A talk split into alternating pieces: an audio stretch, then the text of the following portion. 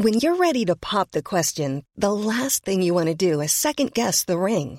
At Bluenile.com, you can design a one of a kind ring with the ease and convenience of shopping online. Choose your diamond and setting. When you find the one, you'll get it delivered right to your door. Go to Bluenile.com and use promo code LISTEN to get $50 off your purchase of $500 or more. That's code LISTEN at Bluenile.com for $50 off your purchase. Bluenile.com code LISTEN. I'm Sandra, and I'm just the professional your small business was looking for. But you didn't hire me because you didn't use LinkedIn jobs. LinkedIn has professionals you can't find anywhere else, including those who aren't actively looking for a new job but might be open to the perfect role, like me. In a given month, over 70% of LinkedIn users don't visit other leading job sites. So if you're not looking on LinkedIn, you'll miss out on great candidates like Sandra. Start hiring professionals like a professional. Post your free job on linkedin.com/people today. Kritisk journalistikk vekker følelser, motkrefter og trusler. Hva skjer med journalister som blir truet og hetset? Og hvordan er det som journalist med minoritetsbakgrunn å stå i krysspress og forventninger? Det lurer jeg på denne uka.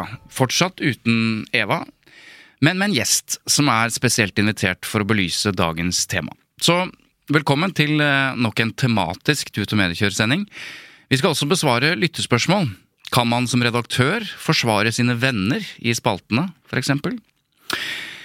Jeg lurer egentlig på flere ting som dagens gjest kan eh, besvare. F.eks. hvorfor er det ikke flere journalister og kommentatorer med annen bakgrunn og et annet utkikkspunkt enn majoriteten? Men dagens hovedspørsmål er likevel altså hvordan det er å stå i storm. Og hvis du hørte på forrige episode, så sist uke så snakket vi om hvordan det er å stå i medienes søkelys. Eh, hvordan det totale medietrykket kan få konsekvenser for, for livskvaliteten til de som, som står midt oppi det.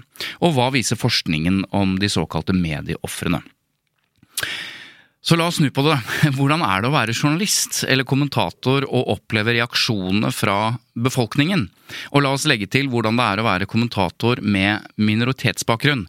Og oppleve det krysspresset eh, som oppstår fra majoriteten og fra minoriteten. Norsk Journalistlag, som er fagforeningen for, eh, for, journalister, de har nå uttalt seg om Ytringsfrihetskommisjonens rapport. Og de mener at eh, en ellers veldig, veldig viktig rapport svikter på et viktig område. Så under denne høringsrunden da, så har de eh, stilt seg kritisk til kommisjonens syn på trusler mot journalister. NJ da mener at kommisjonen har sett helt bort fra at det er noen journalister, da særlig de med minoritetsbakgrunn, eller de som dekker polariserte temaer, som det heter, at de utsettes for svært mye trakassering og trusler. Så Journalistlaget mener at dette har ikke kommisjonen fanget opp. Og de bruker også dagens gjest som et eksempel på akkurat dette. Dagens gjest er kommentator og journalist i VG. Hun er datter av arbeidsinnvandrere fra Pakistan som kom til Norge på begynnelsen av 70-tallet. Etter utdannelsen som økonom så jobbet hun tolv år nettopp som det, blant annet. Så bytta hun bransje og ble journalist, og de siste tolv årene har hun jobbet i VG. Hun har vunnet SKUP-pris og SKUP-diplomer, og har i tillegg skrevet en kritikerost bok som heter Ut av skyggene – den lange veien mot likestilling for innvandrerkvinner, som vant blant annet bokhandelens sakprosapris. Hun har vært gjesteforsker ved Oxford University, der hun har forsket på representasjon av etniske minoritetskvinner i våre to største aviser, nemlig VG og Aftenposten, og viste da at etniske minoritetskvinner de var sitert eller omtalt i under 1% av dekningen i landets to største aviser. Så da er det vel på tide å ønske velkommen. Shazia Majid, velkommen. Tusen takk for at jeg fikk komme. Jo, bare hyggelig. Du, jeg har introdusert deg nå ganske fyldig. Første gangen vi møttes jeg vet ikke om du husker det, men, for vi jo i, har vært i pressen begge to. Men jeg holdt et foredrag for journalister i VG, og der var du. Da har vi aldri møtt hverandre. Jeg vet ikke om du husker det? Jo, jeg husker det. Var, Fordi, det, ja, var det Dagsorden du var Ja, det var den gruppa som het Dagsorden, ja. tror jeg. Og så skal jeg holde noen foredrag i intervjuteknikk eller om kommunikasjon, og så var jeg litt sånn kjekk og grei i starten, for jeg så jo journalistene foran meg, og jeg kjente de fleste og mente at de strengt tatt ikke hadde vært i arbeidslivet annet enn som journalister. Og det sa jeg. Dere kommer rett fra journalistbenken, eller i hvert fall så, selv om dere har jobbet en stund i, i, i VG, så har dere allikevel ikke noe arbeidserfaring. Jeg gjorde et poeng ut av det. Da var det en som rakk hånda i været. Husker du det? Nei, det husker jeg ikke. Nei, Du hadde et behov for å sette meg ganske kraftig på plass, fordi du skal ha deg frabedt at det kom en eller annen kommunikasjonsfyr.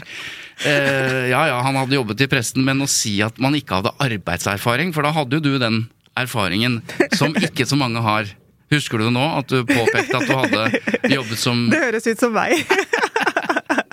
Nei, men det, jo, det var jo det at jeg er um, økonom og hadde den brede erfaringen, det var jo en av grunnene til jeg fikk jobb i VG. Nettopp. Det var jo, også det er jo en fantastisk story, denne, hvordan jeg fikk jobb i VG. Det skal vi komme tilbake til. Men du, aller først, hvorfor gikk du fra jobben eh, som økonom til å bli journalist og senere kommentator? Vet du hva, I, I, starten så var jeg veldig tydelig på hvorfor nå. Jeg bare sånn, hvorfor gjorde jeg det egentlig? For jeg levde et uh, ganske A4-liv. Mm. Men jeg tror det var det som var Eh, slitsomt for meg, fordi at jeg har alltid hatt en veldig sterk rettferdighetssans og vært veldig engasjert. Og så følte jeg bare at den økonomiutdannelsen og økonomistillingen ga meg ingenting. For jeg bare tenkte er det derfor jeg er her? For, for å gjøre dette? For å telle pengene til sjefen min? Mm. Det blei bare så mm, overflatisk. Men, men veldig kort, hvor, ja, det, det, jeg kan forstå det, men hvorfor valgte du økonomi da i utgangspunktet?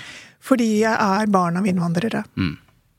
Og det er veldig eh, Eller veldig tidlig, da, så får du Ingen som gir deg beskjed, men du veit at du skal tjene penger. Mm. Utdannelse betyr eh, å sikre seg en godt betalt jobb.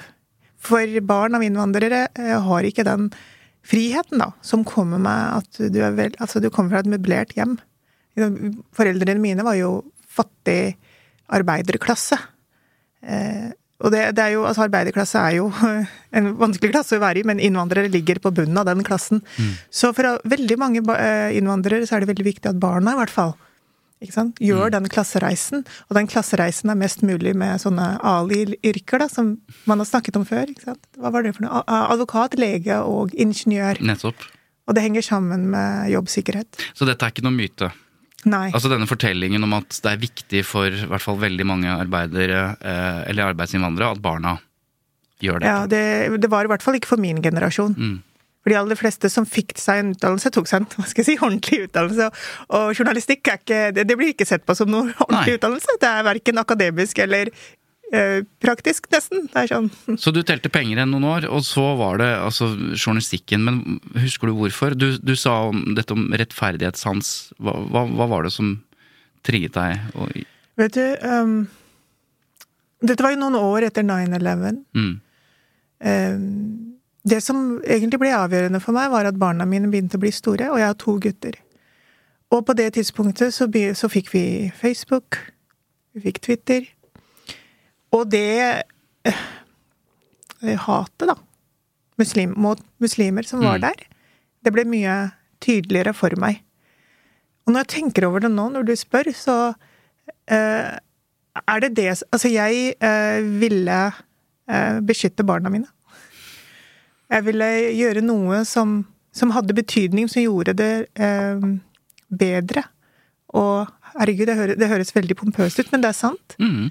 Jeg ville at Norge skulle bli et bedre samfunn. Fordi det var så mye stygt uh, som jeg leste, og ble bare mer og mer stresset. Mm. Og så, så, husker jeg innimellom at jeg pleide å svare på noen greier her og der om islam og muslimer, og så, så tenkte jeg dette holder jo ikke. Mm. Og hvordan hadde du tenkt å gjøre Norge bedre ved å bli journalist? uh, ved å Alle de sakene og alt jeg har jobbet med, er på en måte Du, gjør, du jobber jo for den uh, lille mannen i gata. Du, du, står jo på de svakes side. Og jeg tenkte at hvis eh, man klarer å fortelle begge sider av historien, så tror jeg det blir lettere for samfunnet vårt å fungere sammen. Mm. Vi må kjenne hverandre. Det var liksom Det var det som var drivende for, for, meg, da. Vi må kjenne hverandre. Og de kjenner bare ikke meg, og de kjenner ikke barna mine, og jeg vil ikke at barna mine skal oppleve rasisme og mm. fordommer. Og. Hvordan var den overgangen altså til pressen? For da har du jo også ingen utdannelse som journalist. Du har eh, tvert imot en utdannelse som økonom, som ligger eh, et stykke fra, og så, og så blir du journalist. Hvordan, hvordan, var den overgangen, husker du det? Du, dette er veldig sånn illustrerende for min personlighet. Det er jo ikke noe som er halvveis. Hvis jeg først gjør noe, da, så er, mm. noe, så er, det ikke noe som er halvveis. Så jeg slutter i jobben. Vi har uh, høy boliggjeld og to små barn. Og så begynner jeg på journalistutdannelsen. Mm. Og så tar jeg en bachelorgrad i journalistikk. Men uh, ett år ut i studien så får jeg praksisplass uh, i TV 2. Og, og, så bare jobber jeg heltid, og studerer heltid. Så den overgangen var brutal. Mm -hmm. Altså rent praktisk, da, for jeg jobbet jo livet av meg, og hadde to små barn og alt det der. Og, og økonomien var bare helt uh, elendig. Men, men, jeg hadde så dårlig samvittighet for at, at jeg skulle realisere meg sjøl. Og komme fra den kulturen jeg, som jeg kommer fra, hvor du ikke kan realisere deg mm. selv som kvinne med barn så, så følte jeg at denne, jeg må jobbe heltid. Jeg må bidra, jeg må dra lasset. Så det blei noen utrolig tøffe år og øh, vanskelig overgang. Men, men altså, faglig sett, da, eller som menneske, så var jeg for første gang i mitt liv på rett sted. Mm. Det var bare helt riktig for Hvordan meg. Hvordan kjente du det? Altså, jeg, det, det, stresset da med å betale regninger og barn og det det var tøft, men så hadde jeg en helt annen, veldig positiv stress. Som var jobben. Altså, når du er tilkallingsfør, dette vet jo du, så er det jo helt jævlig. ja. Du får jo helt forferdelige vaktedrag. og jeg hadde jo tidligvakter, sånn fra fem, altså i nyhetskanalen, mm. og alt mulig sånt, og det var blytungt. Men det var bare Jeg bare visste at det var dette jeg skulle gjøre. Mm. Det, det, bare ga meg en sånn kraft, da, som jeg ikke mm. visste jeg hadde. Og så er det sånn at um, mediebransjen og mange andre bransjer, men også mediebransjen, fordi de skal speile samfunnet, har vært bevisst ganske lenge. Eh, mangelen på mennesker med annen bakgrunn. Eh, både etnisitet, men også klasse, ulik utdannelse. Hvordan opplevde du eh, det når du kom inn? Altså, jeg har Det har øh, øh, Vi har flere med minoritetsbakgrunn i norske medier. Ikke mange nok, eh, helt sikkert. Altså NRK er flinke, men ellers er det jo bare ikke bra. Mm. Eh, men det var virkelig Jeg ble ordentlig godt tatt imot, og jeg tror at eh, Sånn som i TV 2, da, så får du en sjanse også fordi du har minoritetsbakgrunn. Det er ikke til å legge skjul på. Mm. Og så må du bare bevise at du er god nok. Mm.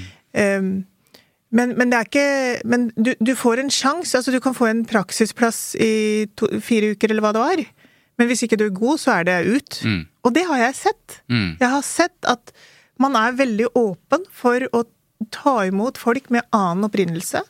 Og hva de eh, kan eh, tilføre eh, et eh, nyhetsrom, som eksempel VG, da.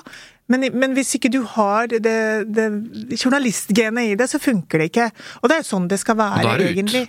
Ja, da, mm. da, da, blir det ikke noe. Men jeg, mm.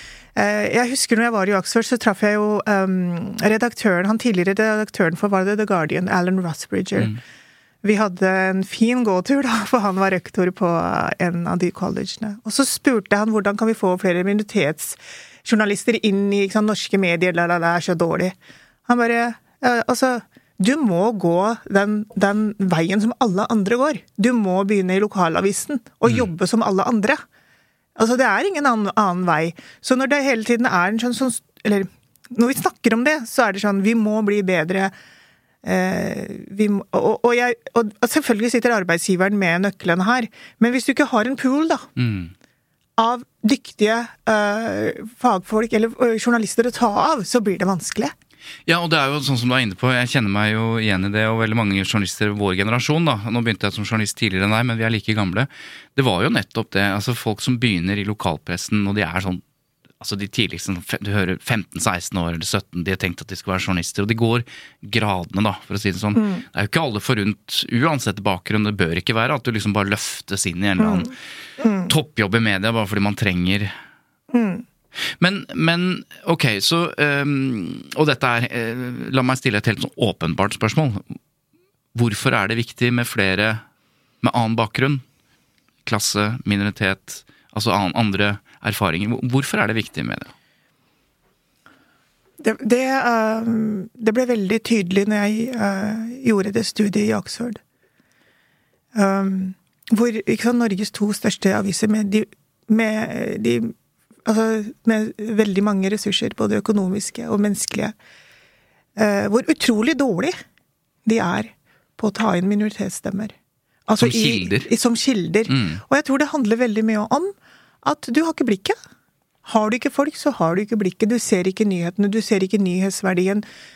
Du har ikke tilgang. Det er det aller viktigste. Hvis vi ikke har journalister med annen bakgrunn, så har du ikke tilgang til de miljøene.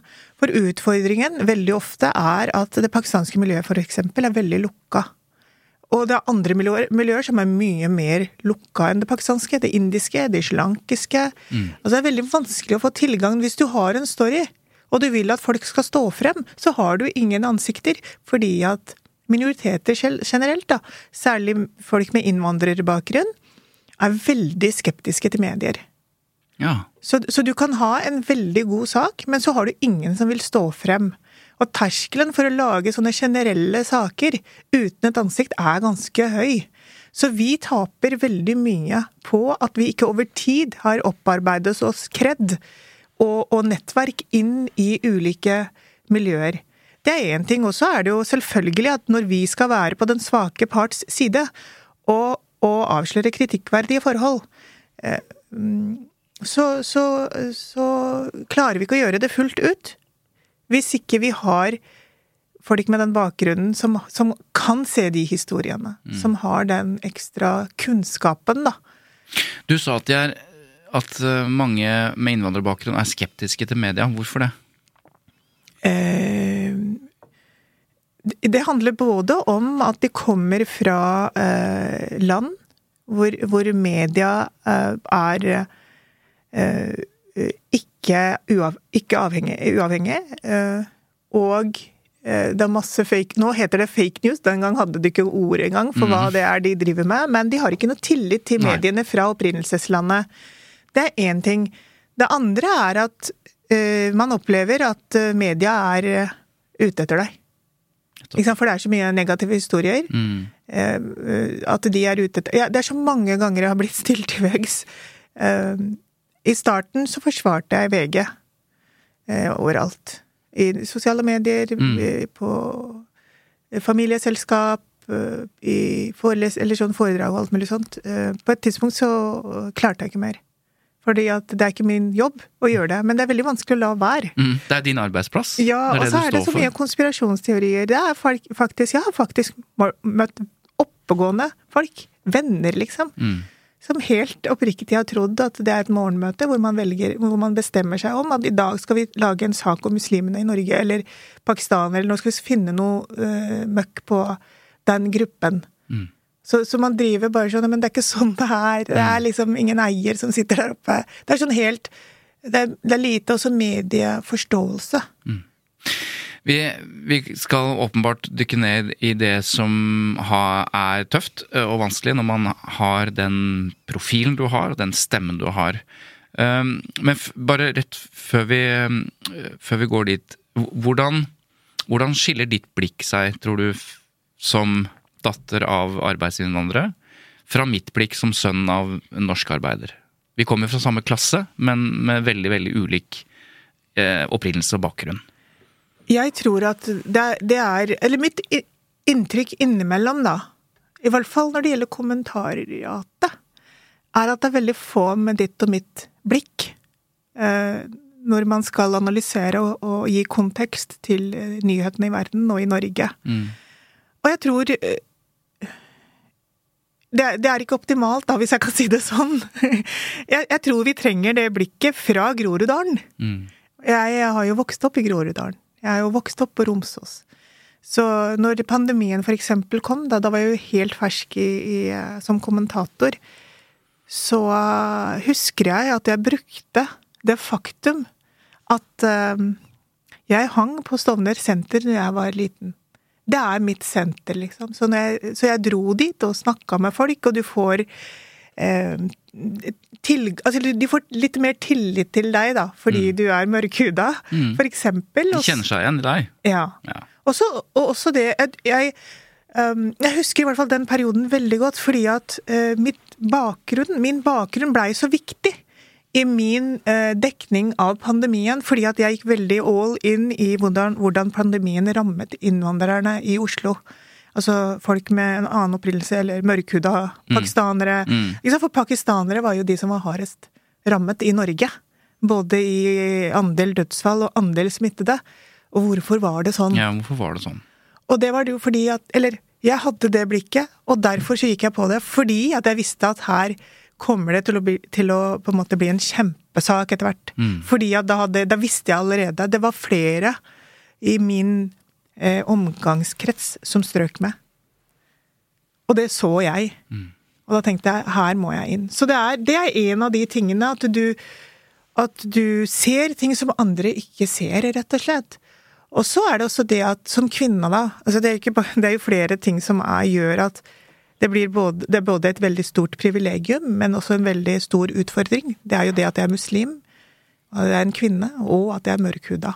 Og og kommer fra arbeiderklassen. og kommer fra arbeiderklassen, ikke sant. Så det på godt og vondt, da. Mm. Men, men jeg eh,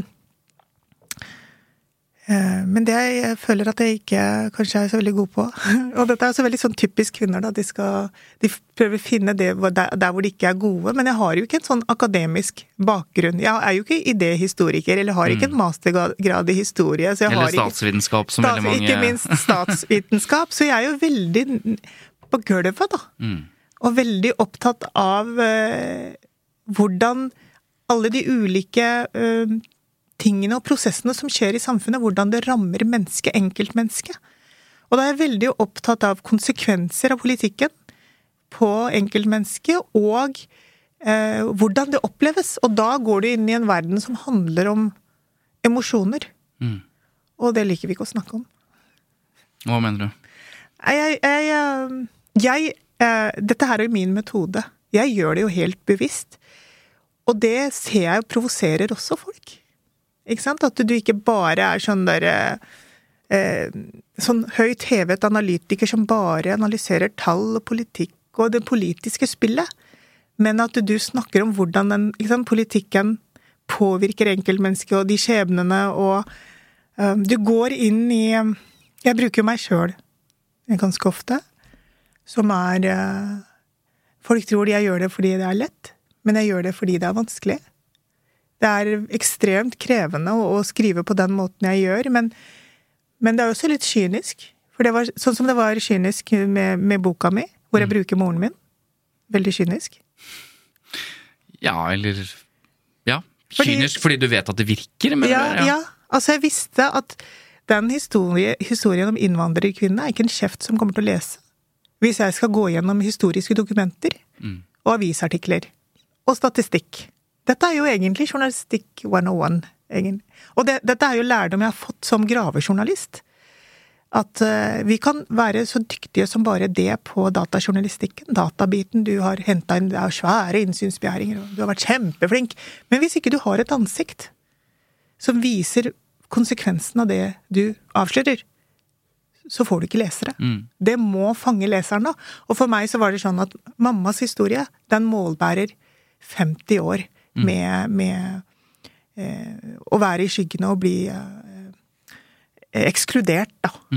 Så sånn er det også med kommentarjournalistikken som jeg driver med. Det er, jeg bruker innimellom meg selv, men jeg er veldig opptatt av å fange leseren veldig tidlig.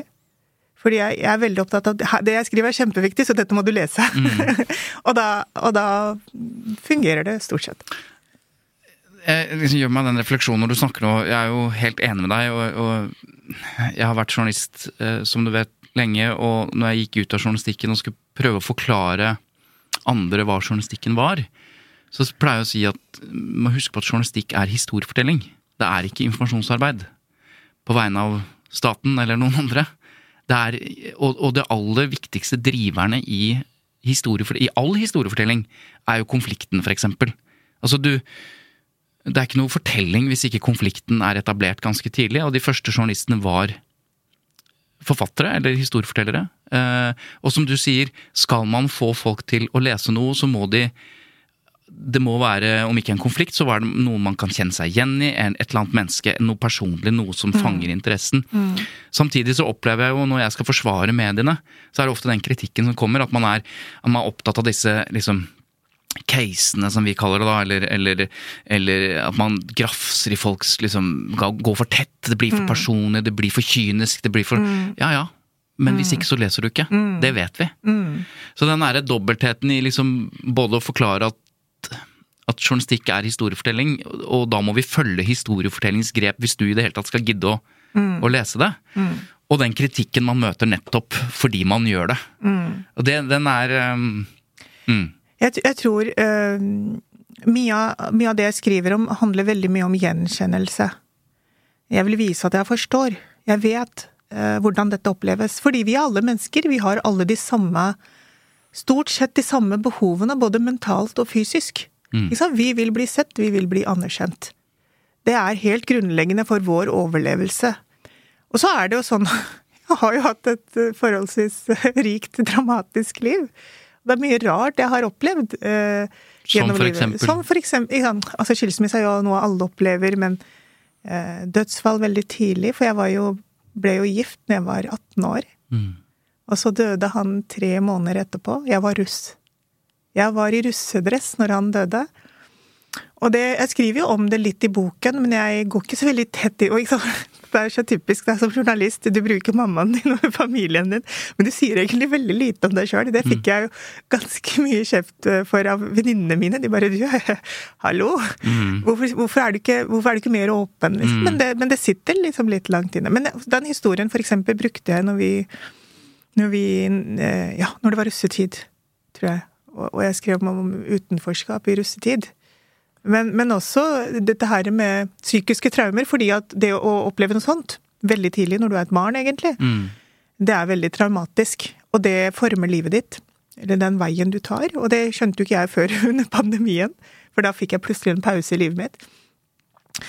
Og det uh, har, har, gitt meg veldig sånn uh, innsikt, da, også i, i ting som partnervold.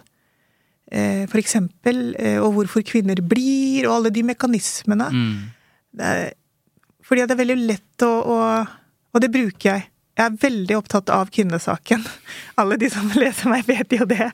Eh, men, men, det handler om de opplevelsene og de erfaringene jeg selv har hatt, da. Så, og jeg bruker det. Jeg bruker det fordi at jeg mener at saken er så utrolig viktig.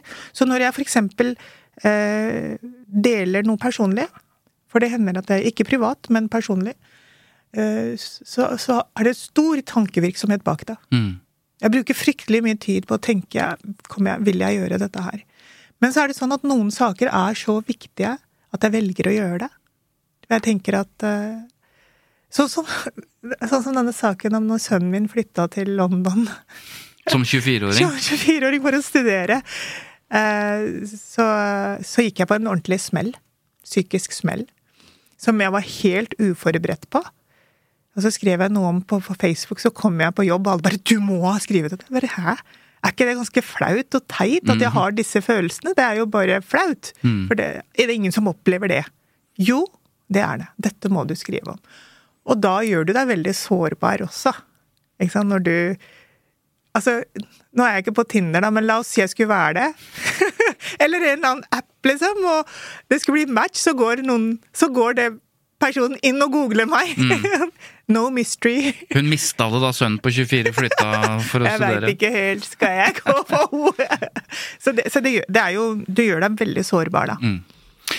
Shazia, du er um, kommentator i VG nå. Uh, det er Norges største avis. Det er en uh, stor, mektig plattform å, å, fortelle historier og bringe dine meninger ut på. Og bare for å ta det, vi har jo driver en slags opplæring i tut og mediekjør, i den forstand at vi forsøker å dele kunnskap om hvordan mediene fungerer og journalistikken blir til. Og du er jo en kommentator um, som jo skriver det du mener. Altså Det er dine meninger som kommer til uttrykk. Det er ikke mm. VGs meninger. Mm. Uh, det er ikke leder, forskjell på leder og, og, og kommentator. Uh, og det er en meningsbærende journalistikk, da. Men uh, etter å ha jobbet som journalist en stund, så tok du så ble du borte i 2016. Hvorfor det? Mm, det blei for mye. Da hadde jeg vært eh, vikar i eh, kommentaravdelingen, og det var Det er liksom drømmejobben min, da. Mm. Det, har, det, er det jeg alltid har hatt lyst til å gjøre. Jeg, selv om jeg egentlig ikke har vært kvalifisert nok, har jeg tenkt, da. Mm. Jeg har, har, ikke jobbet hardt nok, og jeg har, ikke vært i søla lenge nok til at jeg kan få bli beæret med en kommentatorjobb. Men jeg var i hvert fall der et år, og, og det var eh, rett etter at det ble slutt mellom meg og min eksmann. Vi hadde vært gift i 20 år. Mm. Og jeg var egentlig dritredd. Fordi eh, jeg bare tenkte at i den kulturen jeg kommer fra, da hvis du ikke har en mann, så har du egentlig ikke noe legitimitet og pondus. Så du kan bare holde kjeft og sette deg ned. Og jeg, jeg har alltid vært sånn ikke faen. ikke faen jeg skal gjøre det. Så jeg gikk jo inn i kommentatorjobben med stor pågangsmot og litt sånn dumdristighet også. Fordi at jeg skrev jo bare rett fra hjertet og skjøt rett fra hofta. Mm. uh, og, og, det um, Jeg angrer ikke på noe. Det var veldig bra kommentarjournalistikk, rett og slett. Jeg var veldig på ballen. Det var uh, det var sånne Vi hadde jo veldig mange terrorangrep. Islamistiske terrorangrep i, i Europa i 2015. Charlie mm. Hebdo og Bataclan osv. Mm. Og jeg var bare sånn rett ut og bare Fader heller. Mm. Jeg hadde en kommentar som het 'Spørsmål til den, til den muslimske terroristen' eller et eller annet. Som var bare to-tre timer etter Charlie Hebdo. Jeg hadde ikke fått tid til å tenke. Eh, og det er kanskje greit. Men det, i hvert fall, den kommentaren ble kjempemasse lest. Det er bare et eksempel, da. Mm. Bare helt vanvittig mye lest og delt, og, eh, og alle var jo sånn Hei, Shazia, dritbra på jobben. Og jeg ble livredd. Fordi at det, det kom inn forespørsel om de kunne eh, oversette den til engelsk. Mm. Og dansk og svensk TV ville intervjue meg, og jeg ble bare redd. Jeg ble bare kjemperedd. Jeg hadde to små gutter som jeg var alenemamma for. Men bare så jeg forstår, dette er en kommentar, og for at skal, lytterne skal følge med, en kommentar hvor du er selvfølgelig dypt kritisk til ekstremisme. Du stiller et spørsmål ved mm, Muslimske Eller islamister, da. Ja. Ikke sant? Og det er jo Terskelen for å trå feil er bare sånn eh, Altså, du Uansett hva jeg skriver, da. Og sånn har det alltid vært. Uansett hva jeg skriver, så er det feil for en eller annen der ute. mm, enten fra Enten fra det pakistanske muslimske innvandrermiljøet, eller fra det norske Hva skal jeg si, disse trollene, uh, ytre høyre, høyre, rasister. Mm. Så, så, jeg fikk bare veldig mye Det ble veldig intenst, og jeg ble bare kjemperedd, så jeg pleide å stå jeg husker de dagene veldig godt, for jeg, har, jeg bor i høy første etasje, så jeg sto i stua og så ut. Jeg, altså, jeg bare gikk rundt i leiligheten og jeg så ut av vinduet om det var noen der ute. Det var det selvfølgelig ikke. Det var jo ikke en rasjonell frykt, men det hjelper ikke i, i øyeblikket, da det var flere sånne saker. Jeg ble stoppet på gata av vilt fremmede tre ganger. Um, som Hva sa de? Som de ville, de ville Altså, den ene gang, første gangen, så forsto jeg ikke. Så sønnen min var med, med meg på, på, butikk, på, matbutikken, da. På en sånn innvandrerbutikk. Kan man kalle det det? Jo. Mm. Det, det må du nesten bestemme. ja. Jeg sier det, siden mm. jeg er svart, så kan jeg si det. Mm. Uh, hvor det, det, var en mann i, i lang eh, skjegg og skjortel, med en kvinne i sånn nikab. Eh, som, mens jeg står i kassa, så, så spør han meg er det du som er Shazia Mayid i VG. Eller da, da heter jeg Shazia Sarwar, da. Um, og, og, jeg var så uforberedt. Jeg bare ja, det er meg. Ja, jeg leste det du skrev. Er du sikker på at det du skriver er riktig? Har du tenkt over hva du skriver? Og så plutselig så spør han hvor bor du? Og, og jeg blir helt stille og blir, blir satt ut. Og så spør han sønnen min hvor vi bor. Og jeg får ikke anledning til å si noen ting, og sønnen min eh, sier bare 'rundt her'. Han skjønner i det sekundet at mamma er redd. Nettopp. Fordi, og han var, da var han hvor Han var vel eh, 16 år eller noe sånt. Han var jo Han bare så det på meg. Og i det øyeblikket så bare sa han det rette. Men det var utrolig ekkelt og skummelt, både for meg og for sønnen min. Og etter det så de to andre gangene jeg ble stoppet, så var det sånn det var, var en, som, en, eller annen som ser meg og bare sånn 'Er du hun Shazia fra VG?' Og da blir jeg så redd. Mm. Det kan jo hende at de var sånn der 'Ja, du er kjempekul', ja, men, er, eh, men, jeg hadde bare ikke lyst til å finne ut. Eller jeg hadde ikke lyst til å bli lappa til på gata. Så jeg bare ble redd og bare snudde. Eller en gang så var det foran VG-huset, så jeg bare løp rett tilbake inn igjen. Dette var 2015, så jeg var, jeg var rimelig på felgen eh, etter det, altså. Ja, så blir du redd? Du er hjemme og kikker ut av vinduet og ser ting som ikke er der, eller frykt mm. for det. Um, men, men, du tar et valg, da, fordi du blir borte fra spaltene. Mm. Ja, vet du. Um, jeg forstår ikke selv at uh, dette ikke er akseptabelt, og, og at det er hjelp å få. Det var ingen, det verste i denne historien at jeg forteller ikke det til noen på jobben. Nei. Hva jeg opplever, og hvor, hvor, hvor, vondt det er for meg. Det er jo helt sånn fysisk konkrete ting, men det var den derre eh, vedvarende, konstante trakasseringen. Som er veldig sånn derre mikroaggresjoner, eller hva man kan kalle det. Som er sånn ja ja, men det må du bare tåle, liksom. Mm. Og det kommer i hvilken form? Altså Den gangen så var det mailer Eh, kommentarfelt, selvfølgelig, sosiale medier. Eh, ja, altså, jeg følte bare det var en sånn der lavgradig eh, trakassering hele tiden, mm. som gjorde meg Mørna meg helt. Så når det kom noen sånne eh, avvik, da, så bare ble jeg knekt, da. Mm. Eh, så Nei, ingen som visste det, og når, når, dette kommer for en dag, så VG har jo et fantastisk system. Og de var sånn Hvorfor har du ikke sagt noen ting? Så det, da fikk jeg et helt sikkerhetsopplegg rundt meg, som jeg fortsatt har. Ja, hvorfor sa du ikke? Uh, dette vet jo du. Uh, alle vet jo det i pressen, at pressen er en macho bransje. Det er ikke rom for å vise at man er redd, selv om man er redd. Mm. Det er ikke rom for svakhet i vår bransje.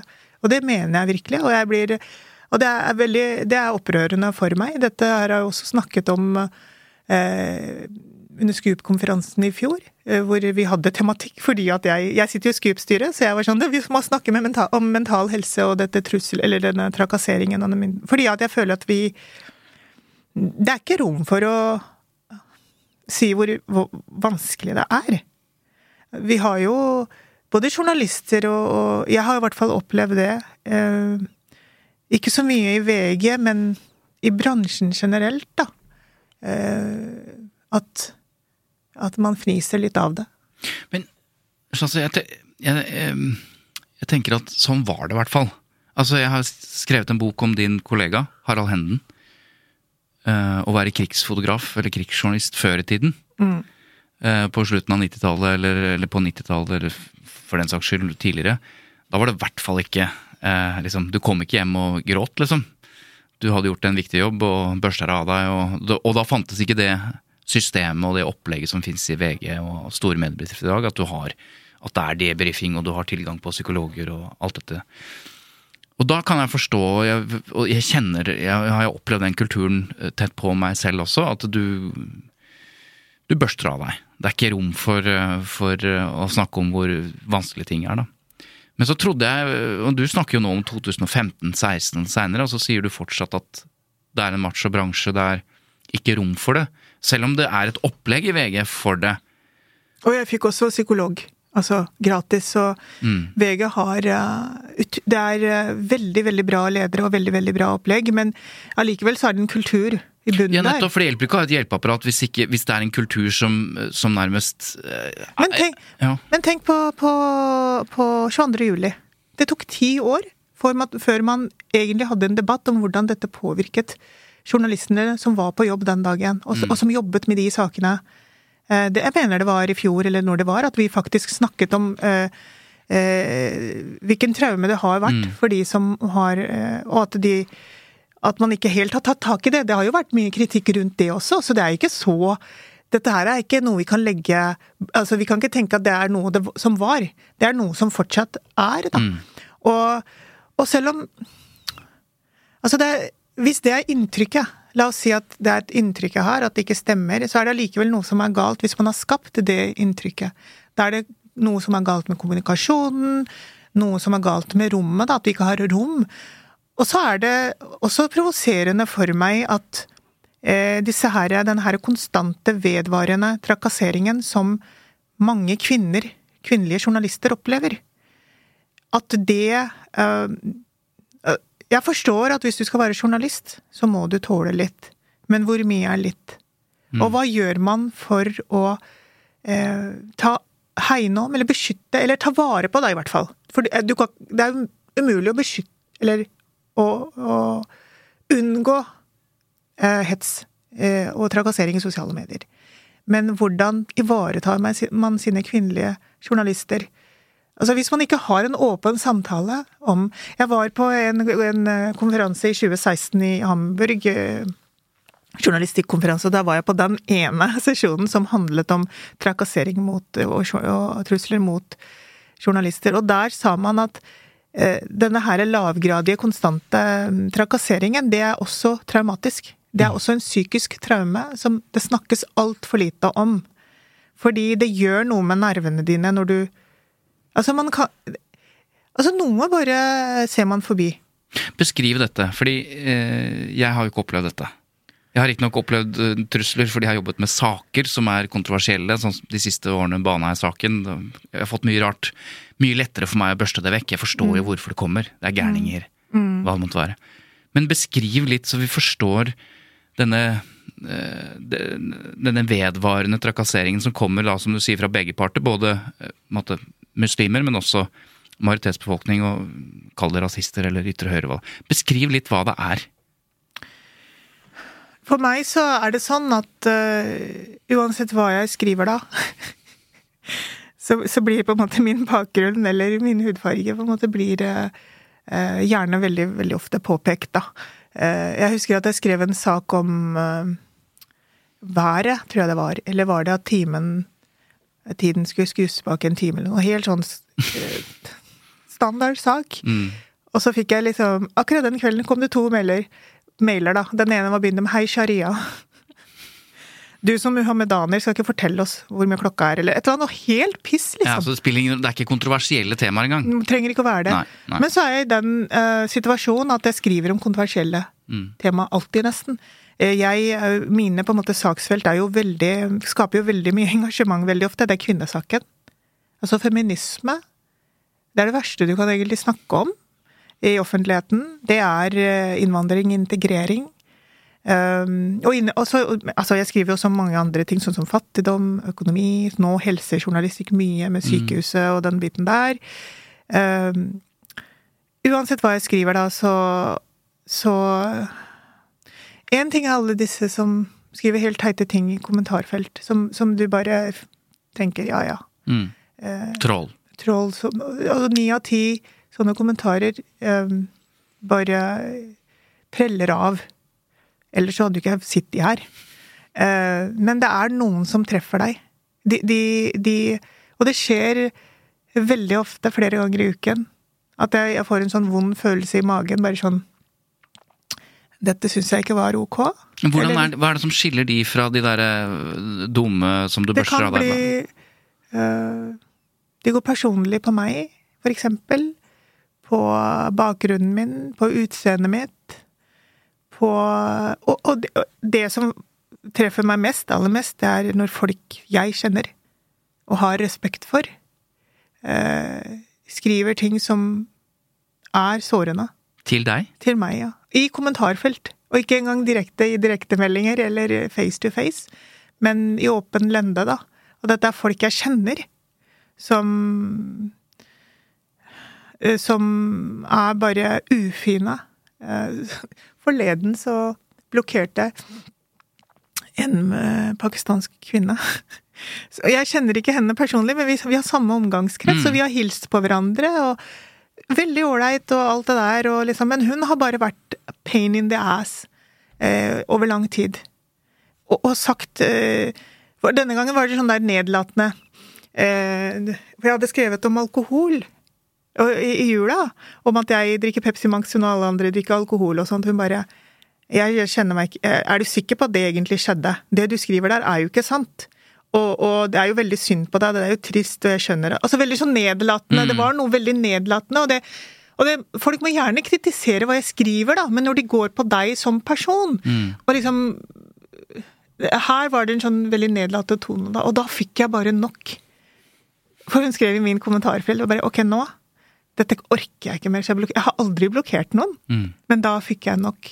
Men innimellom så er det jo eh, I fjor så fikk jeg jo noen dødstrusler. Hva skriver de da? Men eh, man skjønner veldig fort at det ikke er eh, alvorlig, liksom. Ene, han ene var eh, Vi fant ut etter hvert han var pensjonist mm. langt oppe i nord. som skrev et eller annet om at jeg skulle ha hodet mitt på et fat, eller et eller annet sånt, liksom. Mm. Men jeg tror på en måte det er den, den konstante liksom følelsen av at er du god nok, har du tatt Har du vært flink nok? Har du virkelig liksom underbygget kommentaren din nok? Du har liksom ekstremt høye skuldre hele tiden. Mm. Det er ingen kommentar jeg skriver som er sånn ja, nå skal jeg bare skrive en kommentar på to timer, fordi dette kan jeg. Jeg kan det, men jeg kan ikke være sånn. Jeg må være bare 100% sikker på at alt det jeg skriver er riktig og alt mulig sånt, fordi at hvis det er noe som ikke er bra nok, eller hvis jeg bommer eller noe, så er det Det er så intenst, da. Mm. Uh, så, så, når jeg da opplever at jeg skriver om Alan Musk, og Andrew Tate med noen dagers mellomrom. Altså Tesla-sjefen og Twitter-sjefen og han som er nå arrestert for både det ene og andre, denne mm. svært ytterliggående høyre-bloggeren, eller hva vi skal kalle det, Andrew Tate. Så disse ja. to mennene. Ja, disse to mennene. Når du skriver om det? Når, når, jeg skriver om det, da så er jeg allerede liksom ikke Kanskje litt sår... Eller sånn Ja. Altså den, den, den, den hetsen som jeg fikk da jeg har aldri opplevd noe sånt før. Altså hvor massivt det var. Det virket som om en sånn derre Jeg vet ikke sikkert, men virket som om min kommentar hadde blitt delt i et eller annet lukket rom på Reddit, eller jeg, jeg veit da mm. søren hvordan dette funker, men, men, men tilbakemeldingene var så utrolig mange og grove. Det var ingen dødstrusler. Altså dødstrussel Når vi bare liksom skal være opptatt av at nivået for når det er jævlig, er når du har fått en dødstrussel, mm. så utelukker, utelukker, vi veldig mye trakassering. Mm. Og skadelig liksom trakassering. Men her var det unge menn eh, og, og, anonyme kontor på Twitter som gikk til angrep, da. Og eh, for meg var det stygt, fordi det var så mange som hadde den samme ordlyden. Du er en idiot, du er en klovn, for en eh, for en jævla kjerring. Eh, du kan ingenting. Og så var det folk, oppegående menn, som, som skulle mansplaine veldig. Og så var det selvfølgelig noen pakistanske menn inni der som, som uh, åpenbart Og det, det, som jeg syns er ekkelt, er at dette var noen anonyme da, som, som jeg skjønte åpenbart kjenner meg. Eller kjenner til meg på en mm. annen måte. Mm. Fordi han ene skrev 'du trenger jo egentlig bare en mann'. Han visste at du var singel? Ja, og at jeg har skrevet om patriarkatet. Jeg skjønte bare at han visste jeg, hvor jeg står. Og liksom, begynte å kommentere kroppen min, og det ble bare så utrolig Da husker jeg at jeg blei Det syns jeg var veldig ubehagelig. Mm. Da husker jeg at jeg ringte Hanne. Sjefen din? Ja, ja, vanligvis så tar jeg ikke screenshot. Noen, noen anbefalte meg at for å vise hvor mye det er, eller hvor tungt det er, og bla, bla, bla, så må du ta screenshots. Men selv det syns jeg er ganske eh, krevende. For da jeg, lager jeg faktisk et minne av det, og beholder det, og det syns jeg er tøft. Så eh, nei, det jeg sendte henne en mail med alle, og hun ringte meg selvfølgelig med en gang. Dette var jo i jula. Og vi hadde en lang samtale, og, og han har vært utrolig eh, fin. Og i fjor på Scoop da, så sa jeg i den samtalen jeg hadde, at jeg hadde ikke stått her hadde det ikke vært for Hanne. Fordi Hanne virkelig, virkelig vil at jeg skal eh, ha det bra. Eh, og skal stå i jobben og skal klare, klare dette her. Men eh, noen ganger så blir det veldig vanskelig. Og, og, og, så, kommer, og så, følger jeg opp med, med Andrew Tate og kaller han en kvinnehater. For jeg er sånn. Jeg var sånn, vet du hva, sånn er det. Sånn som disse her islamistene. At jeg er så direkte. Det tror jeg er veldig veldig provoserende. Mm. For innimellom er jeg veldig direkte, og, og, i den saken så er jeg veldig tydelig på hvor jeg står. Og jeg tenker, er du meningsjournalist, da, kommentator, så må du søren meg tørre å mene noe, stå for noe. Mm. Og det har sin pris. Og også da så opplevde jeg det, det, som skjedde da, var jo at i forkant så får jeg bare sånn Ja, men dette er jo ikke noe stort problem, Shazia. Dette ler gutta av i Norge. Mm. Det er bare sånn morsomt fenomen. Jeg bare nei, jeg tror ikke det er det. Jeg tror det er gutter i Norge i dag som tror på Andrew Tate og følger hans eksempel. Og så publiseres denne saken, så plutselig så begynner jeg å få eh, direktemeldinger fra veldig unge menn, jeg skjønner at det er videregående elever og sånt, inne på min Instagram-profil hvor du aldri får noen ting, for den er bitte liten, liksom. Det er bare sånn koselig der. Eh, og det kommer i sånne du, du, du, skjønner det, at nå har det skjedd et eller, annet, et eller annet sted i universet. For du får plutselig veldig mange. Og så skjønner jeg at det er en TikTok-video som er sett av nesten 100 000. Eh, som er laget av en han eh, Hvor han går på med bilde av meg og, og, og det er lagd en TikTok-video om deg? Om, om, kommentaren og om meg. Og du, altså han hadde veldig, altså selvfølgelig veldig kjip og nedlatende, alt mulig sånt. Og under der så var det jeg vet ikke, 150 kommentarer, eller hva det var. Hvor det var også stygge ting. liksom. Hun, mm. trenger, eh, hun trenger en brun pose i posten. Hvor bor hun? Legg mm. ut adressen hennes her. Og, og, og med Alan Musk så opplevde jeg på Twitter at han, Alan Musk ble tagget. Følg med på henne. Kanskje du skal skrive om Fordi at Alan Musks metode når han tok over på Twitter, var jo at han ehm, eh, retweetet eller skrev om sine kritikere, og så ble det en sånn massive angrep mot, mot disse menneskene. Da. Så det eh, Jeg, jeg syns og, og, den videoen ble heldigvis, da, veldig kort tid etterpå slettet. Når jeg så den, jeg forsto ikke hva dette her var. Jeg er ikke på TikTok. Jeg er smart. Men jeg gikk til sønnen min og sa du, dette, denne profilen her Jeg bare sa navnet på profilen. Han bare Mamma, hva er det som har skjedd? Jeg bare Er det far Liksom, hvem er det? Mm. Han bare 'Mamma, han er svær', liksom. Og så sa jeg 'det er en video om meg der'. Og da husker jeg for første gang at sønnen min ble ordentlig eh, stresset. Nå er han 20 år. Da blir han stresset. Og han ser på og han bare 'faen, mamma'. Men den videoen ble sletta, og kontoen hans ble sletta. Veldig kort tid etterpå. Jeg tror han ble Jeg vet ikke hva som skjedde. jeg eh, avbrøt deg stad da du sa et eller annet om at um, det skjedde noe også med sikkerheten din. Uh, og jeg vet jo at um, enten det er politikere eller journalister eller andre mennesker som er under mye press og, um, og, trusler, har et eller annet opplegg. Og så vet jeg at det er begrensa hva man kan si om det, for det er jo hele poenget. Men hva kan du si om det i det hele tatt nå? Fordi vi begynte i 2016, du tok en pause fra jobben, du er åpenbart tilbake igjen, og en del av de tingene du har snakket om nå, har jo skjedd etter at du da kommer tilbake igjen. Men litt om, om liksom, situasjonen nå, hva kan du si? Um, jeg tror det handler mer om at jeg skal føle meg trygg, enn at jeg faktisk er trygg. Altså, altså hvis noen vil ta meg, så tar de meg. Men jeg er nå annen, på et annet sted, egentlig, hvor jeg føler meg tryggere. Jeg føler at jeg har mer pondus. Og jeg er opptatt av det privilegiet jeg faktisk har, i den posisjonen jeg er i i VG, i Norges største avis. Det jeg skriver, blir lest av de som uh, bør lese det og bør endre ikke sant? Altså, det har Det er utrolig verdifullt for meg at jeg får uh, uh, denne muligheten. Men de um, For eksempel så kjører jeg til jobb. Mm. Du går ikke?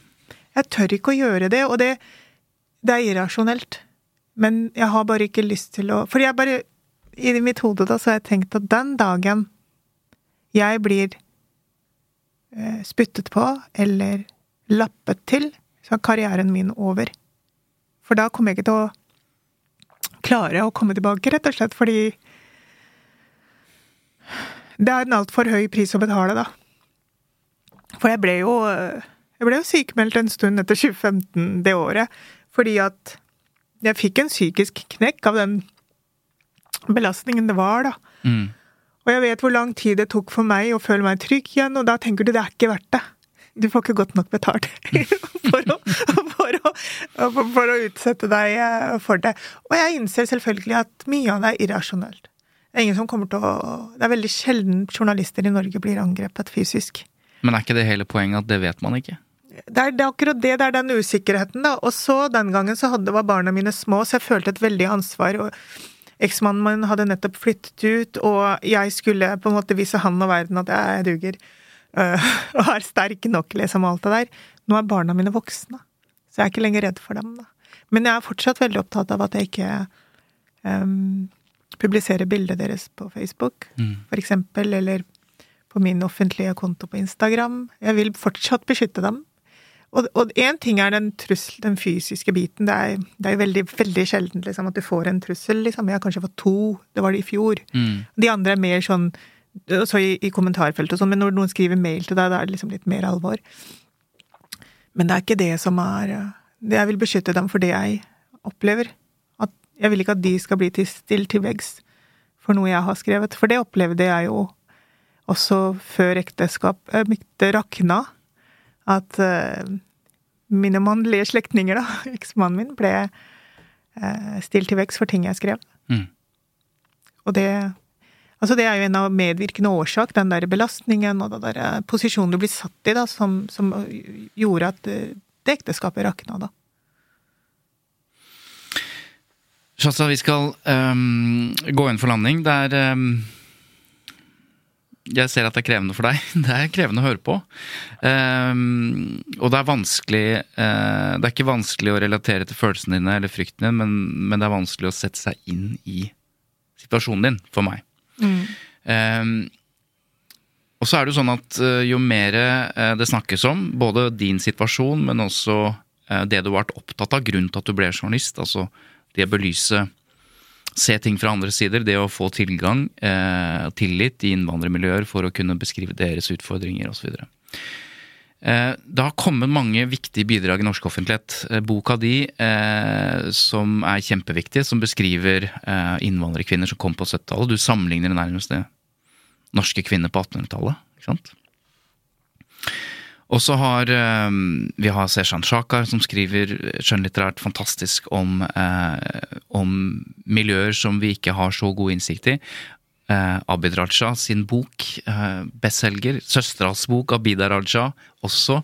Viktig bidrag inn i, i offentligheten. Vi har fått liksom, diskusjoner om rasisme, antirasisme, nå også woke, og veldig komplisert felt osv. Men alle disse bidragene i hvert fall uh, ser ut til for meg at de hjelper, at vi får opp en diskusjon. Men hva tenker du er bra med dagens debatt rundt disse spørsmålene uh, som vi har berørt, og hva er ikke bra ved debatten? Jeg tror vi har en veldig bra debatt i Norge generelt, fordi at vi har vært veldig hands on helt fra de første kom. Vi har jo aldri lagt Og pakistanere skal ha en stor del av æren for at de har tatt skittentøyvasken i offentligheten. At, at man, når man har hatt f.eks. æresvold, vi har hatt æresdrap, vi har hatt tvangsekteskap, at man har tatt den debatten i åpent lende og vært ærlig om de utfordringene. og, og og når jeg var i den alderen, så syntes jeg alt var kjempekjipt. Men jeg ser jo nå verdien av at vi har hatt den debatten vi har hatt i Norge som Sverige ikke har hatt. Mm.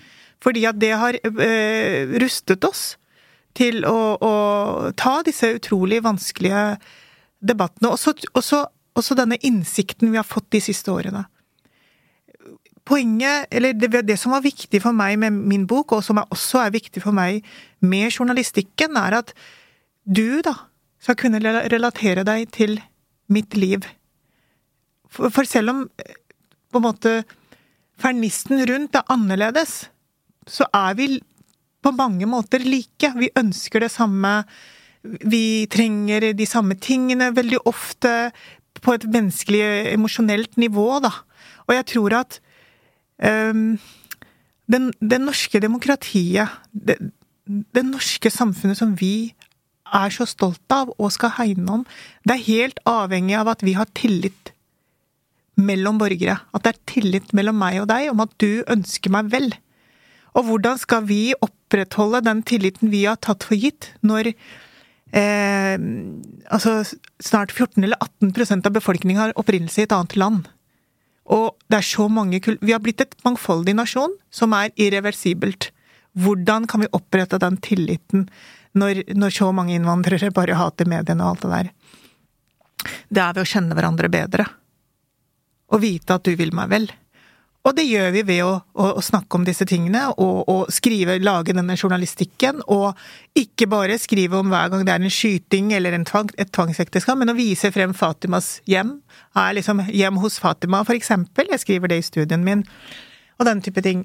Det jeg ikke liker med debatten uh, Nå er det jo forskning som viser at den ikke er så polarisert. Jeg tror det er Ytringsfrihetskommisjonen som sier det. Mm. Men uh, debatten blir fryktelig fattig viktig av disse ekkokamrene. Mm. Og de skikkelsene som som Altså, jeg tror det blir veldig overdrevet. Jeg tror man lever i, i sånne bobler hvor man tror hele Norge er kjempeopptatt av hva den ene personen mener, eller liksom sånn 'det går til helvete'. Det gjør jo ikke det. Jeg tror jeg tror vi har lykkes veldig godt med integreringen, ut ifra de forutsetningene som var til stede. Men det er ikke det inntrykket du får da hvis du er på Facebook eller på Twitter, og, og alt er bare mm. Alt er imploderer, liksom. Så, og så liker jeg ikke på en måte intellektuell latskap, da. At man og at man leser folk i verste mening, og at man skal finne den ene lille liksom, feilen eller et eller annet ord som er brukt, og så skal man henge ut det mennesket. Det er bare sånn Det er det, blir, det, er det som er latskapet, da. Mm. Og det Det tjener vi ikke på, men Men det er, gjelder at vi alle jobber med den saken, da. Vi som har plattform. Og det har du, som kommentator i Norges største avis. Eh, vi skal gå inn for landing. Vi har um, denne lille timen vår Jeg har i hvert fall um, gitt meg en ganske klar uh, Et håp, da, og en fornemmelse. Uh, og det er at jeg håper, til tross for at du har vært sjuk av dette, at du fortsetter. Tusen takk for det. Og hvis det er et sted hvor det er mulig i Norge i dag, så er det VG. Mm. Jeg jeg har et uh, liksom nesten litt usunt forhold til VG, fordi jeg er så ekstremt lojal og så ekstremt glad i den arbeidsplassen. Det er fordi du, du får det rommet, men spørsmålet som henger i lufta, er hvordan, hvordan beskytter man? Hvordan kan man ivareta det, det ene mennesket, da? For vi er bare to i Norge i dag som har minoritetsbakgrunn og er kommentatorer.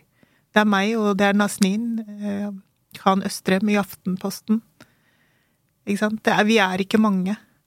Så, og da blir det veldig bare, en ting jeg vil legge til også, er at uh, man legger fryktelig mye press på seg selv også, når man er den ene. For da tenker du jeg, jeg må snakke på vegne av den og den og den gruppen. Fordi jeg har fått det enorme privilegiet. Mm.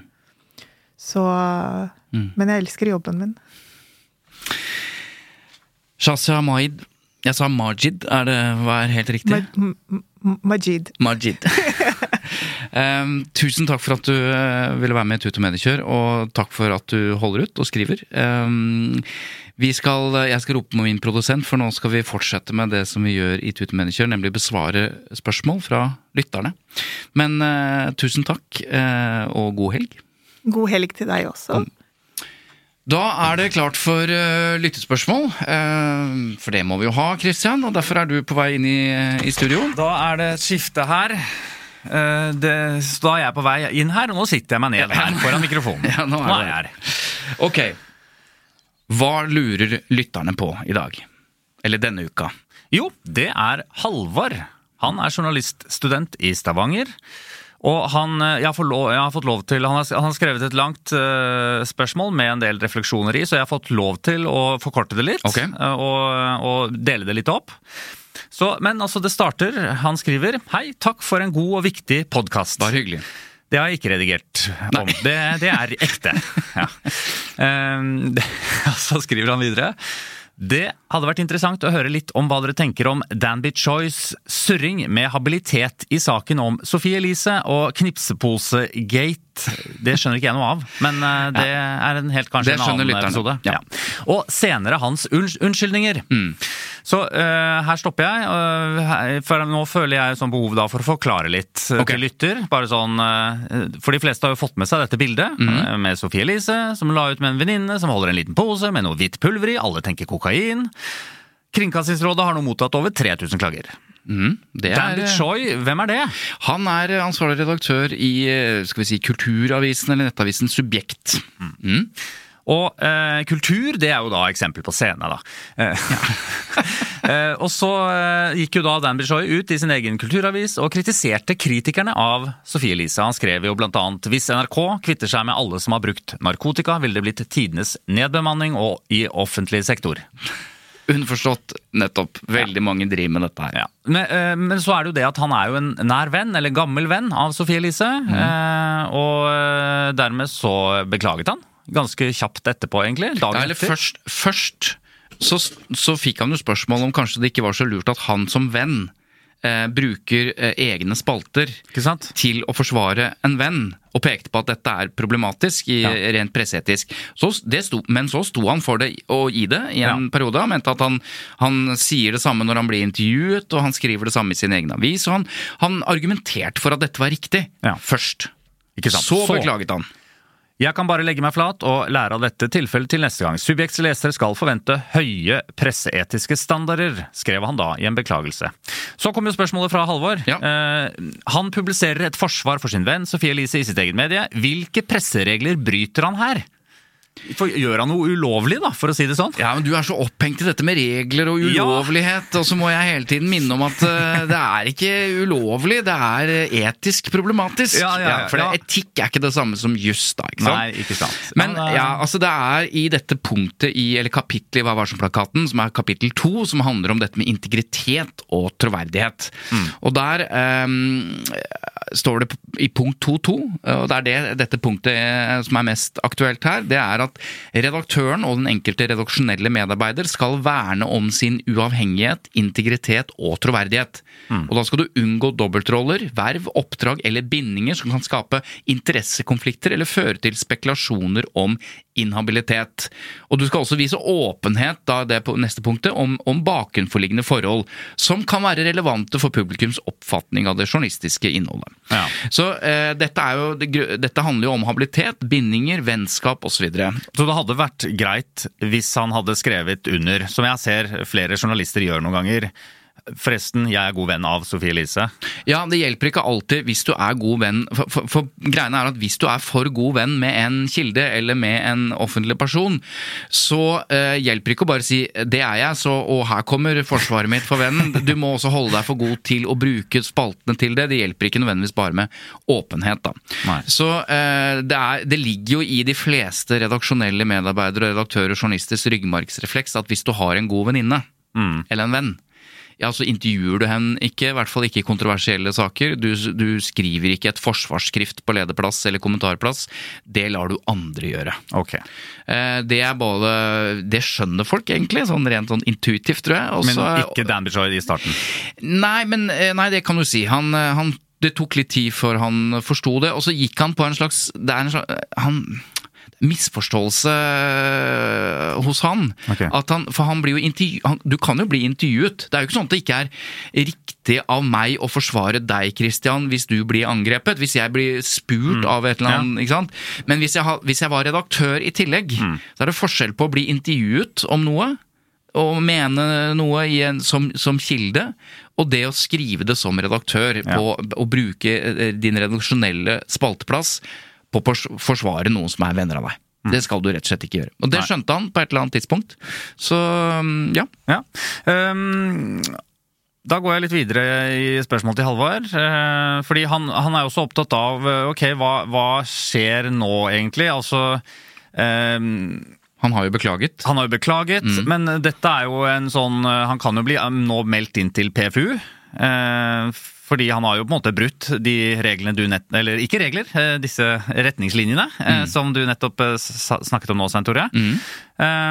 men så skriver da Halvard Kan man viten og vilje publisere hva man vil, vente litt og si 'sorry, my bad', og på denne måten slippe å bli felt i PFU, og slippe å publisere fellelsen i eget medie Ja. uten forsvarstale? Altså, hvordan vil PFU takle dette at han nå har gått ut og beklaget det? Det er et veldig godt spørsmål, Ja. og, og antagelig så, så godt at det er bedre enn han eh, tenkte på da han formulerte det. Fordi dette er rett og slett veldig spennende. Ja. Fordi eh, svaret er jo ja, du kan jo prøve på det. Men eh, for å gjøre det ganske kort. Det er mange eksempler på i PFU der eh, publikasjoner, aviser osv. har gjort noe galt. Også ifølge det, altså, i dette punktet her med, på 2.2, da, som habilitet osv. Eh, og så har de beklaget. ja. Eh, og så står det f.eks. i eh, en, en fellelse her eh, hvor avisa Nordland ble felt for noen år siden. Så står det pressens faglige utvalg merker seg at avisa Nordland har forsøkt å komme klager i møte og finne en såkalt minnelig løsning. De har også beklaget dette her flere ganger osv. Eh, men selv om de har gjort det, så skriver pressens faglige utvalg at det holder ikke.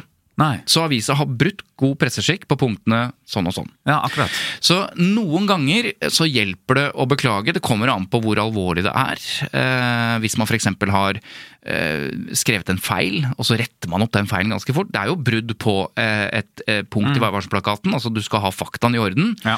Eh, men når du retter opp kjapt, så kan det gjøre at du ikke blir felt. Men i mer alvorlige saker, eller saker som er ikke så, skal si, så enkle, så kan du beklage alt du orker herfra til evigheten, men du blir felt allikevel. Ja. Og så er det dette med minnelig løsning. Det handler om at man forsøker jo eh, Pressens faglige utvalg har nok å gjøre. Så hvis man kan komme til enighet, da, den som klager på dette her, eh, og den som blir klaget inn, hvis man kan finne en såkalt minnelig løsning, så er det bra. Da, kommer, da går det ikke inn i eh, vurderingen til PFU? Nei, da slipper PFU Ja.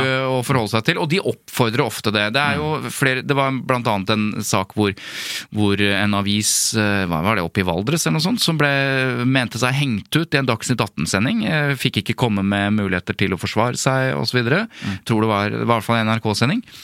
Og så beklaget, eh, fikk de en beklagelse og en offentliggjøring av den beklagelsen, og da sa redaktøren for denne lille avisen som hadde blitt tenkt ut, da ja, men fint, det var det jeg trengte, da, da trekker jeg klagen til Pressens fagutvalg. Ja, ja. Så dette her er jo et eh, Dette må man jo finne ut av, men, men for å svare eh, avslutningsvis, da.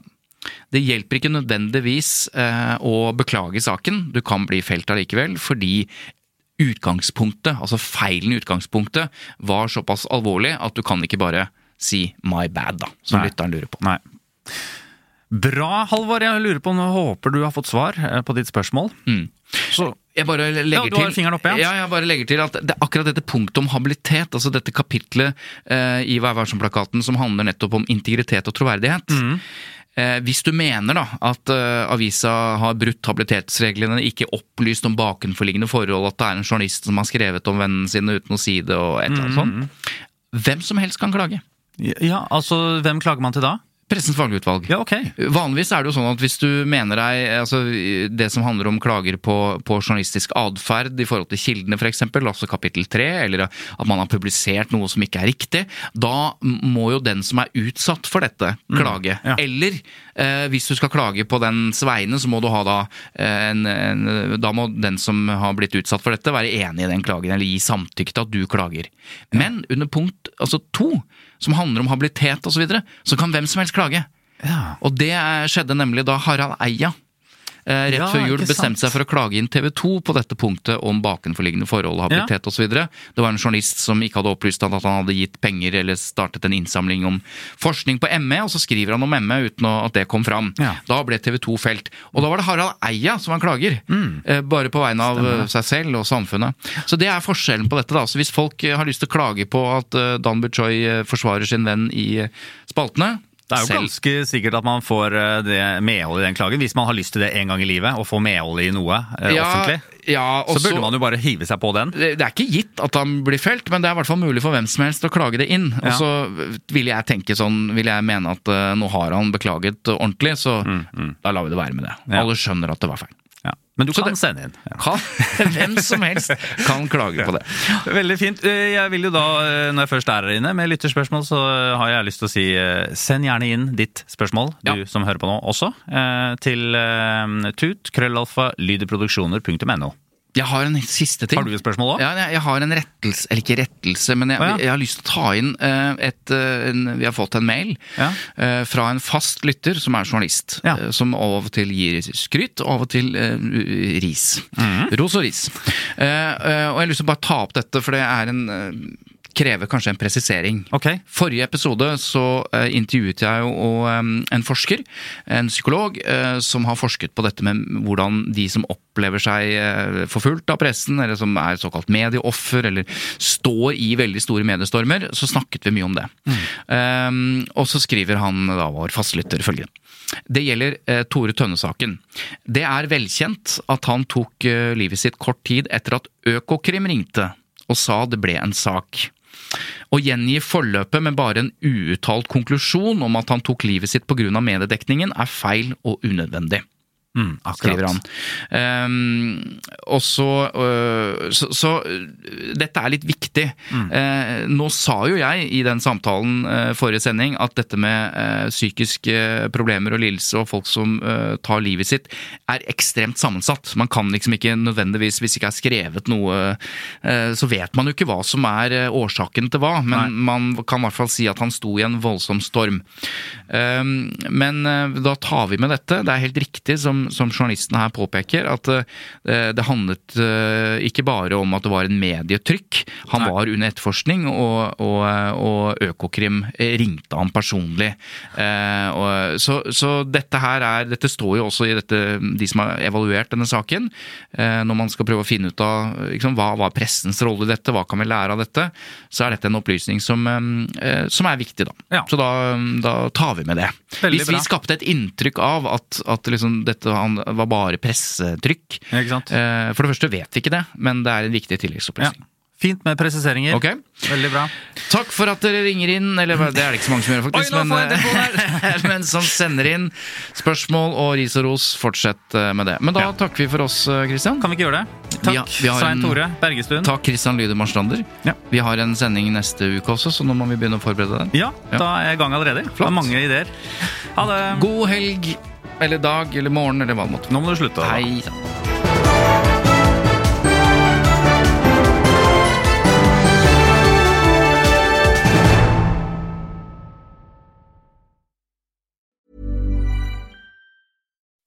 When you make decisions for your company, you look for the no-brainers. If you have a lot of mailing to do, stamps.com is the ultimate no-brainer. Use the Stamps.com mobile app to mail everything you need to keep your business running with up to 89% off USPS and UPS. Make the same no brainer decision as over 1 million other businesses with Stamps.com. Use code PROGRAM for a special offer. That's Stamps.com code PROGRAM. When you need mealtime inspiration, it's worth shopping Kroger, where you'll find over 30,000 mouthwatering choices that excite your inner foodie. And no matter what tasty choice you make, you'll enjoy our everyday low prices, plus extra ways to save, like digital coupons worth over $600 each week. You can also save up to $1 off per gallon at the pump with fuel points. More savings and more inspiring flavors make shopping Kroger worth it every time. Kroger, fresh for everyone. Fuel restrictions apply.